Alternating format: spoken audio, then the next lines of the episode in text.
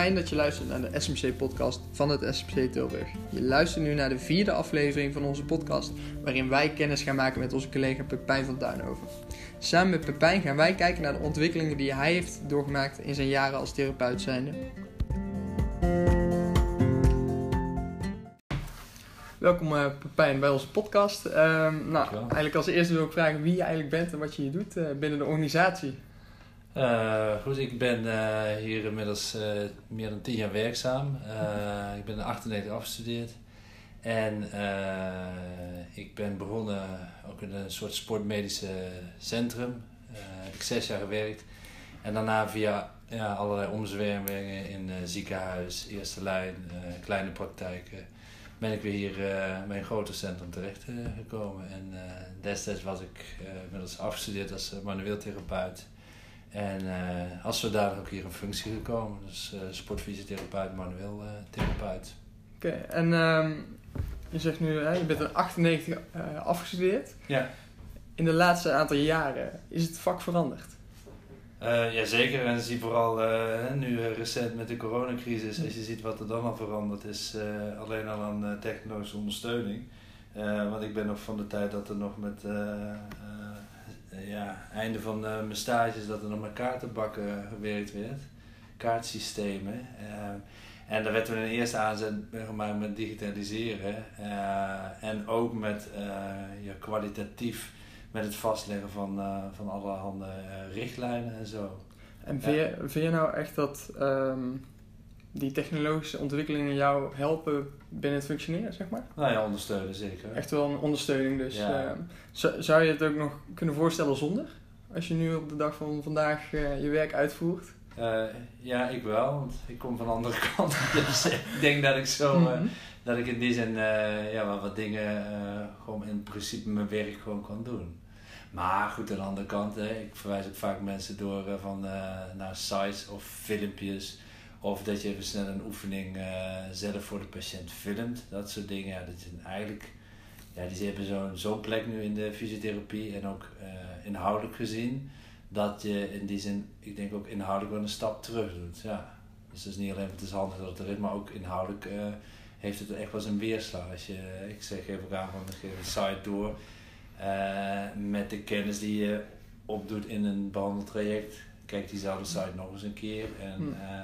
Dus daar, zit, uh, ja, daar zitten zeker wel aspecten in die het, die het echt wel verbeteren. Dus ja, we kunnen stap, maar dan zet je letterlijk wel een stap terug. Ja, ja en hoe, uh, want er zijn eigenlijk allemaal hele moderne oplossingen, zeg maar. Uh, hoe pak je het aan met bijvoorbeeld oudere patiënten? die bijvoorbeeld geen toegang hebben tot het internet of een computer thuis. Ja, nou ja, dat, ik moet zeggen, de laatste jaren, dat is echt, ja, die, die kom je bijna niet meer tegen. Ik, ik kan me niet zo uit kan er niet zo'n patiënt denken die afgelopen tijd uh, uh, die je niet kon bereiken met beeldbellen of zelfs mensen van, van 70, 75. Uh, die echt al goed. ja, nou ja, goed, uit, uitzondering dagen later van een man van 85 die me nu te binnen schiet. Maar ja, kun je die niet bereiken, dan is de oplossing of via netwerk, weet je wel. Ja. Zoon of dochter dan daarbij inzetten. Of, maar dat heb ik ja, niet hoeven doen. Dus, nee. En um, je bent in 98 afgestudeerd. Hoe, hoe lang heb jij gestudeerd om uiteindelijk tot manueel therapeut uh, te komen? Ik ben in 98 afgestudeerd en ben ik het IAS gaan doen. Zeg maar, uh, destijds kwam er overeen met sportfysiotherapie. Mm -hmm. En uh, dat ben ik direct na mijn opleiding gaan doen. Twee jaar. Ik ben volgens mij in 2004 gestart. Nee, 2003 gestart met manueel therapie. 2007 was ik uh, klaar als manueel therapeut. En uh, waarom heb je die keuze uiteindelijk gemaakt om manueel therapeut te worden? Nou, vooral omdat ik uh, vanuit, ik kwam in een setting te werken met heel veel uh, destijds vrij nieuw, heel veel actieve revalidatie. Dus die, die liep in die zin voor op, op wat nog komen zou gaan. Dus was echt vooral veel op zelfmanagement gebied en veel ja, zelf, veel oefentherapie wat we daar zagen. En ik merkte dat we werkten veel samen met de sportartsen die uh, namen het uh, lichamelijk onderzoek voor rekening en ook de adviezen. En ik merkte dat langzaamaan dat ik ging minder onderzoek doen. en ik had zelf wel behoefte om zelf wat meer diagnostisch te kunnen. En ik vond het wel heel leuk om wat manuele vaardigheid te houden, want ik was ja, 90% bezig in de oefenzaal. Ehm, en ik wilde dus ook gewoon wel wat letterlijk met mijn handen kunnen. Maar het was eigenlijk vooral van uh, vanuit diagnostische vaardigheden dat ik dat niet uh, wilde, uh, kwijt wilde raken en mezelf daar verder op wilde ontwikkelen. en daarbij ook gewoon de manuele vaardigheden. En ja, dan zie je bij, bij de opleiding Zonde, manueel therapie, dat je vooral de eerste jaren enorm getraind wordt in het klinisch redeneerproces en in het onderzoek. En dat de manuele behandeling, dat dat een onderdeel is van het hele pakket. En uh, Pepijn, wanneer zou je als patiënt zeg maar, bij een manueel therapeut uh, binnenstappen? Dus waar, met welke klachten zeg maar, zou ik bijvoorbeeld bij een manueel therapeut terechtkomen? Nou, ik denk als je kijkt binnen sportmedisch centrum, kijk wat ik net uitleg van uh, manueel therapie is meer dan alleen de manuele handeling, uh, mobilisatie mm -hmm. of, of kraken. Dus je wordt als manueel therapeut nog eens de diepte in, verdiepen in het lichamelijk onderzoek het klinisch redeneerproces. Uh, en dan wordt er bekeken wat uh, het behandelplan zal zijn. Dus ja, wanneer zou je als patiënt naar een manueel therapeut? Vanuit patiënten zien die zal denken, als ik het gevoel heb dat er iets vast is wat gekraakt moet worden.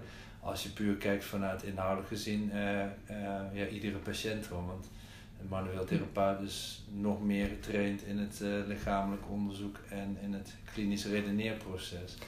Ja. En uh, merk je dan ook dat bijvoorbeeld uh, patiënten bij jou uh, binnenstappen en eigenlijk een ander verwachtingspatroon hebben van een manueel therapeut dan, dan wat je eigenlijk doet? Nou ja, de laatste jaren zeker minder, omdat ik een tijdje weer verbonden ben geweest aan het schoudernetwerk. En dan ja, komen mensen met een heel ander verwachtingspatroon binnen. En je ziet ook dat, dat ja, dat ook in de, bij de patiëntenpopulatie steeds minder mensen zijn die, uh, die opdracht geven van uh, uh, behandel me met dry needling of ik wil gemasseerd worden mm -hmm. of ik wil oefeningen of ik wil gekraakt worden. Dus dat, dat ja, die, die patiëntenpopulatie zien we hier binnen SMC ja, niet echt heel veel. We zien vooral mensen die goed geholpen willen worden. Um, en voor een deel worden ze heel goed al gefilterd door de administratie en receptie. Uh, maar ook door de verwijzers al. Dus ja, de, de, het verwachtingspatroon is, ja, het is wel goed om het altijd expliciet uit te vragen. Maar uh, die laatste jaren, ik zie minder, minder uh, dat mensen echt expliciet met de vraag komen van uh, kraak even mijn rug los. Hè. Dus dat zag je wel wat meer op het moment dat er, vooral bij de topsportbegeleiding, dan zit er ook wat meer reuring omheen. Mm -hmm. en dan werd die vraag wel eens vaker wat specifiek gesteld. Ja. En uh, waarom zouden ze dat dan doen? Zo'n specifieke vraag? Puur en alleen om op het moment uh, suprem uh, te presteren? Of? Ja, quick fix vaak. Een quick fix. Er zit iets vast en voor de rest is er al geoptimaliseerd, wordt er al heel hard getraind. En um, ja, zijn het ja, wellicht wat dingen die nog onderscheid kunnen maken. En um, nou, even een terugkoppeling naar de vorige podcast, die heb ik met Daphne gedaan. Um, Daphne gaf aan dat ze stage heeft gelopen onder jou. Ja, de, hoe, ja uh, dat volgens mij was het de snuffelstage van een, een week snuffelstage, of zo, ja. Hoe, uh, hoe ervaar je dat? Hè? Dat bijvoorbeeld zo'n Daphne die komt onder jouw stage lopen en vervolgens wordt ze je collega. Nou, de snuffelstage heeft ze gelopen volgens mij, toen werkte ik net hier, dus dat was in 2008 of 2009. Mm -hmm. En volgens mij is ze pas vijf of zes jaar daarna collega geworden. Okay. Ja. En het was een hele korte stage, dus ik heb daar nooit zo... Uh, nee. En ben je ook vaak stagebegeleider geweest? Of? Uh, voor, uh, toen ik, uh, zeker toen ik begin als fysiotherapeut werkte wel, ja. En hier in het begin even kort wat dingen ter ondersteuning. Mm -hmm. Maar ik heb vooral in de eerste tien jaar heb ik vrij veel studenten begeleid, ja. En hoe, hoe komt het dan dat je bijvoorbeeld als jong fysiotherapeut zeg maar veel mensen wilt begeleiden en bijvoorbeeld later naarmate dat je al wat jaren ervaring hebt, dat je niet meer ehm, fysio-studenten bijvoorbeeld gaat begeleiden? Is dat puur eigen, uh, een eigen keuze bijvoorbeeld? Of... Ja, uh, ja, tuurlijk. Altijd een eigen keuze mm -hmm. in die zin. Maar ja, ik, ik heb toen ik uh, als manueel therapeut net in het einde van mijn studie zat. En toen ervaarde ik wel dat ik het lastig vond om uh, stagiaire fysiotherapie te, te begeleiden. Oké. Ja, want dan, was het, dan zit je zelf met zo'n processen in je hoofd en je kijkt toch wel net ja, wat meer met, met uh, ja, de extra verdieping en de mogelijkheden mm. die je op manueel therapeutisch gebied leren. het is lastiger vond ik toen om terug te schakelen. Dus dan heb je eigenlijk een soort van conflict. Uh... Ja, maar goed, dat is natuurlijk daarna, weet je, je vindt dat ook zijn werk, je wordt vaardiger mm. in, je, in hetgeen wat je doet. Dus dat krijgt dan ook weer een, een andere plek in je, in je hoofd, in je mm-hmm. systemen. Dus je hoeft er wat minder hard over na te denken. En dus nu is het wel wat makkelijker om uh, te schakelen. Maar goed, hier is het zo gelopen dat uh, van mijn tap op een gegeven moment dat overging, maar niet. Of van Patrick zelfs, mm -hmm. hier aanvankelijk de stagebegeleiding deed. Dus ja, op, op dit moment is het volgens mij dat, en ja, Freek. Ja, ja en, en van uh, oudsher zat het volgens mij eerst bij Patrick onderverdeeld. Oké. Ja. ja. En nou, dan heb ik nog een hele leuke vraag voor jou. Van wat zou jij aan al je stagiaires die je hebt gehad, zeg maar, als je één regel zou kunnen geven, één stukje wijsheid, wat zou je dan meegeven? Luisteren. Puur luisteren. Ja, en vooral tussen de regels door. Oké. Ja. Um, ja, vooral de, uh, zien te achterhalen wat, uh, wat de onderliggende hulpvraag is waarmee iemand komt. En dus iemand komt met een, uh, met een klacht. Een klaag over mijn rug. Ik heb, ik heb rugpijn. en de hulpvraag die kan, kan op verschillende vlakken liggen. En iemand komt binnen, ik heb, ik heb rugpijn. Um, en zegt van ik wil weer, ik wil weer kunnen ijshockeyen. En daaronder ligt dan de verwachting hoe dat gaat. Is dat dan met dry needling, met, met massage of met, met kraken. Maar het is van groot belang om op het moment dat je een gesprek met iemand gehad, te achterhalen wat is. Je hebt een klacht, wat is daarbij de hulpvraag die je stelt en je verwachtingspatroon. En gekoppeld aan de hulpvraag kan er zelfs nog een onderliggende hulpvraag zitten. En dat leer je pas in het proces van jaren dat je uh, door tussen de regels door eh, te luisteren gaat herkennen van daar zit nog iets onder. Dat is een beetje onderbuikgevoel. Iemand uh, heeft last van zijn rug, uh, wil weer kunnen, actief kunnen zijn. Hè? Dus ik wil weer mhm. kunnen werken, ik wil weer kunnen sporten. Dat is de, de, hulpvraag. Maar de onderliggende hulpvraag kan zijn dat iemand die zich ernstig zorgen maakt om zijn rug, want uh, vader of moeder is, heeft rugklachten gehad en is overleden aan kanker. Dat iemand als onderliggende hulpvraag heeft van het zal toch geen kanker zijn of iets ernstigs of mhm. iets anders. Hè? Puur als, als, als voorbeeld. Maar dat zijn wel aspecten die je pas leert op het moment dat je veel langer in het vak zit. En dat is de kunst van het luisteren en wat, vooral wat bedoelt iemand met wat hij zegt. Mhm. En dat is een lastige vertaling. Want je, ja, maar je zei dat. Ja, maar eigenlijk bedoelde ik iets anders. En dat leer je, ja, dat leer je gewoon door heel veel uh, patiëntencontacten. Uh, maar dan leer je ook vooral om erop gefocust te blijven van, uh, en steeds te verifiëren met iemand, klopt het dat of mhm. maak je je nog zorgen? Soms kun je het van expliciete uitvragen. Ja, maar dat, dat, ja, dat is wat ik de la, ja, met name de afgelopen ja, zeg maar vijf, zes jaar steeds meer uh, zie en mezelf erin ontwikkeld heb. Ja, je had het net over pijn. Um, is pijn iets waar patiënten eigenlijk heel vaak voor naar de fysio gaan? bijvoorbeeld. Dus is dat eigenlijk de nummer één um, klacht waarvan ze denken van, oh, ik heb last van mijn rug, ik heb pijnklachten. Um, nu moet ik naar de fysio. Is daar genoeg uh, bewustzijn over, over pijnklachten? Van, uh, wanneer moet ik juist wel of wanneer moet ik juist niet hulp, hulp nee, vragen? De, de hoofdmoot van iemand die meldt zich altijd aan. vanuit de pijn eigenlijk? Ja, merendeel. En een enkeling zal zich aanmelden vanuit het gevolg van de pijn. Dus van mhm. ik wil graag kunnen, ik, ik, wil een marathon lopen met plas van mijn voet. Ik heb pijnklachten in mijn knie. Maar merendeels uh, komt hij binnen met pijnklachten. En merk je dat uh, patiënten ook echt bewust zijn van hun pijn? In de zin van? Um, gewoon de gewaarwording. Dus uh, bijvoorbeeld van die pijn die ik hier voel, die komt bijvoorbeeld um, door een spier of door iets heel anders. Um, zijn, zijn patiënten een beetje bewust van hoe je ja, hoe moet je dat verwoorden? Stel je hebt uh, knieklachten, en waar zit die pijn dan bijvoorbeeld? Is, is het moeilijk voor, uh, voor iemand om juist aan te wijzen waar bijvoorbeeld een pijntje zit? Of... Nee, meestal dat niet. Maar het probleem zit hem, wat je zegt van een interpretatie. Wat mm -hmm. betekent de betekenis van de pijn? Maar iedereen is zich wel bewust van, ja, anders je, je meldt je pas aan als je pijnklachten hebt. Mm -hmm. En die pijnklachten gaan om wat voor reden dan ook niet over. Dus de reden waarom mensen zich aanmelden is dat het naar hun gevoel langer duurt dan nodig is. Mhm. Of dat ze een, uh, een specifiek een, een, uh, een korte termijn doelstellingen hebben die ze waarschijnlijk niet gaan dreigen te halen. Want we zien natuurlijk ook heel veel mensen met pijnklachten van het houding- en beweesapparaat. die, zien, die zien we in de praktijk niet. Hm.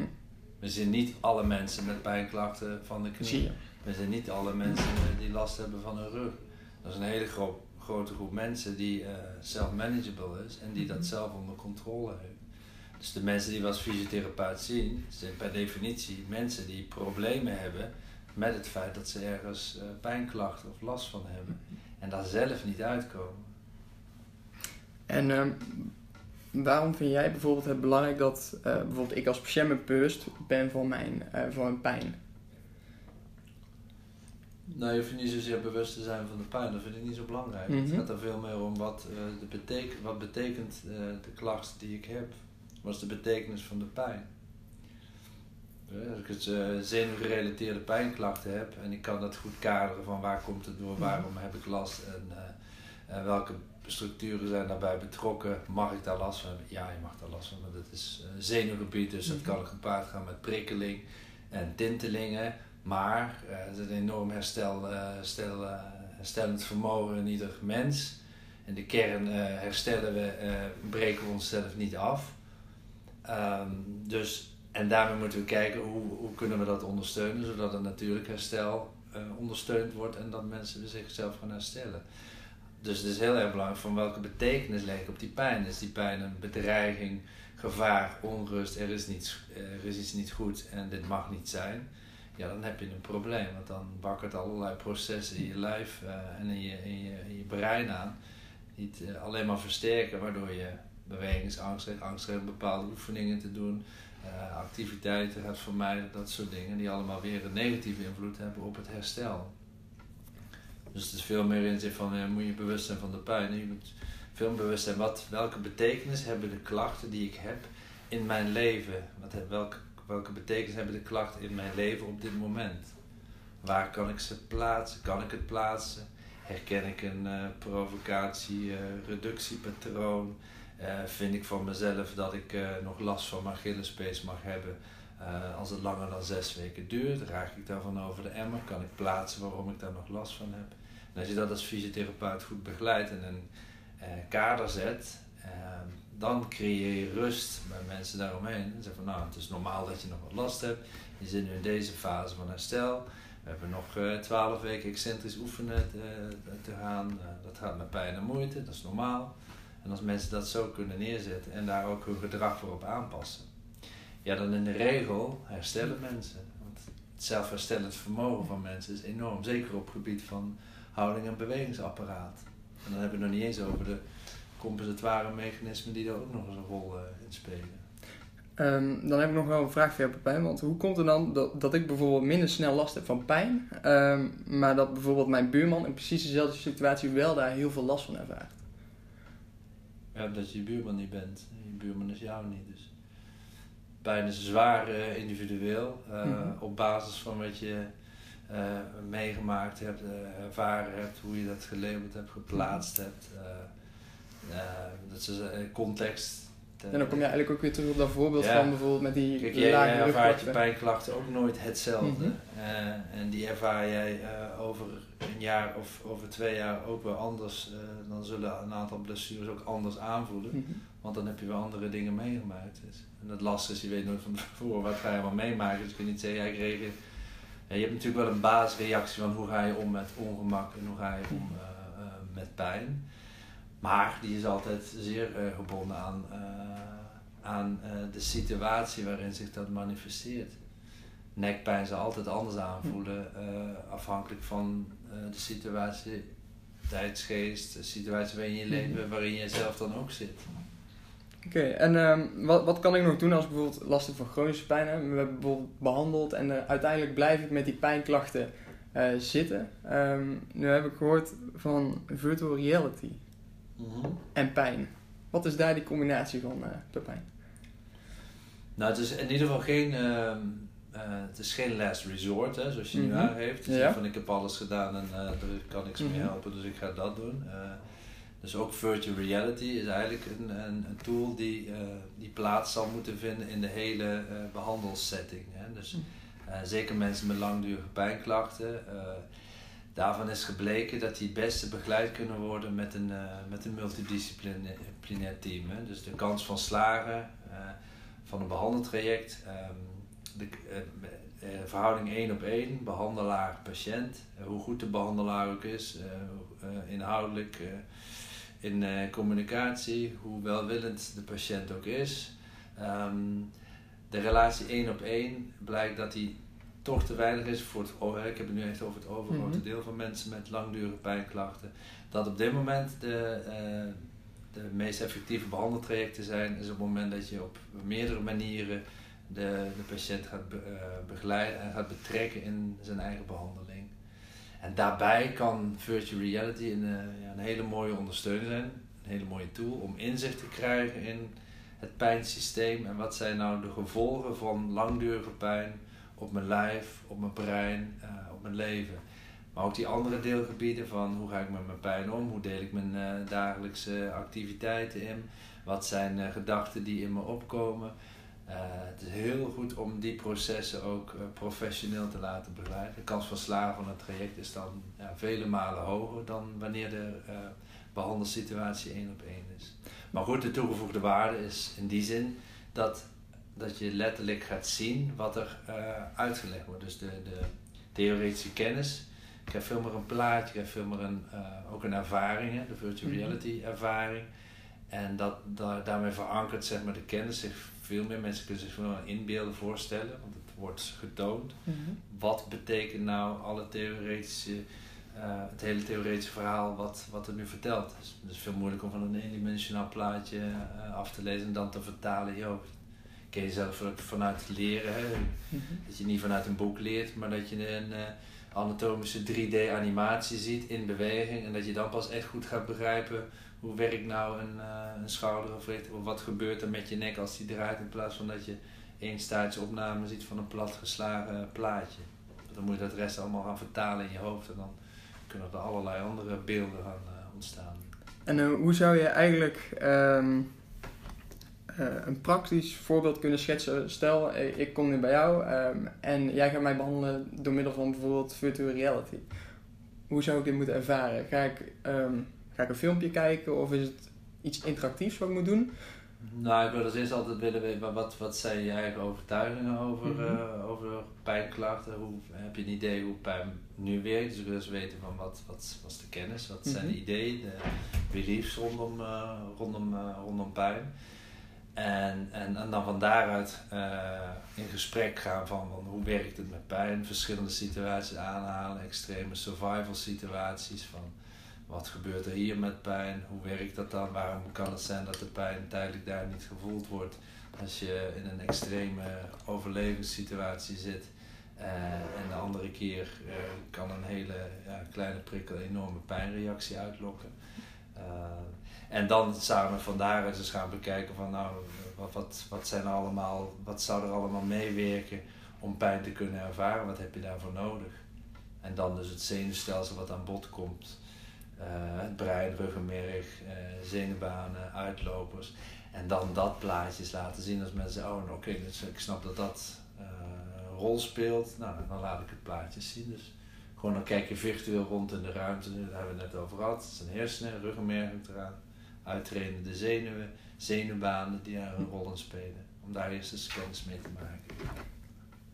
Nou, dat was uh, eigenlijk heel erg duidelijk, Pepijn. Ik uh, wil je eigenlijk heel erg graag bedanken voor ons gesprek. Het was heel erg leerzaam, was ook heel erg gezellig natuurlijk. En uh, ja. heb jij nog iets te zeggen voor onze luisteraars? Ehm, nee, ik vind nee, geen te schieten nee, helemaal niks. Nou, nou ja, helemaal goed. Die dan, heb je net allemaal genoemd. Ja, kijk. Nou, bedankt Pepijn. En okay. dan tot de volgende keer misschien. Graag gedaan, ja. Wil jij als luisteraar up-to-date blijven over de SMC Tilburg podcast? Zorg er dan voor dat je onze kanalen in de gaten houdt. Dit kan via de streamingdiensten van Spotify en Anchor. En daarnaast posten wij iedere nieuwe aflevering op onze Facebookpagina, zodat jij geen aflevering kan missen. Laat vooral ook een like en een reactie achter, zodat wij weten wat jullie van de aflevering vonden en wat jullie willen vragen aan onze zorgprofessionals in de toekomst.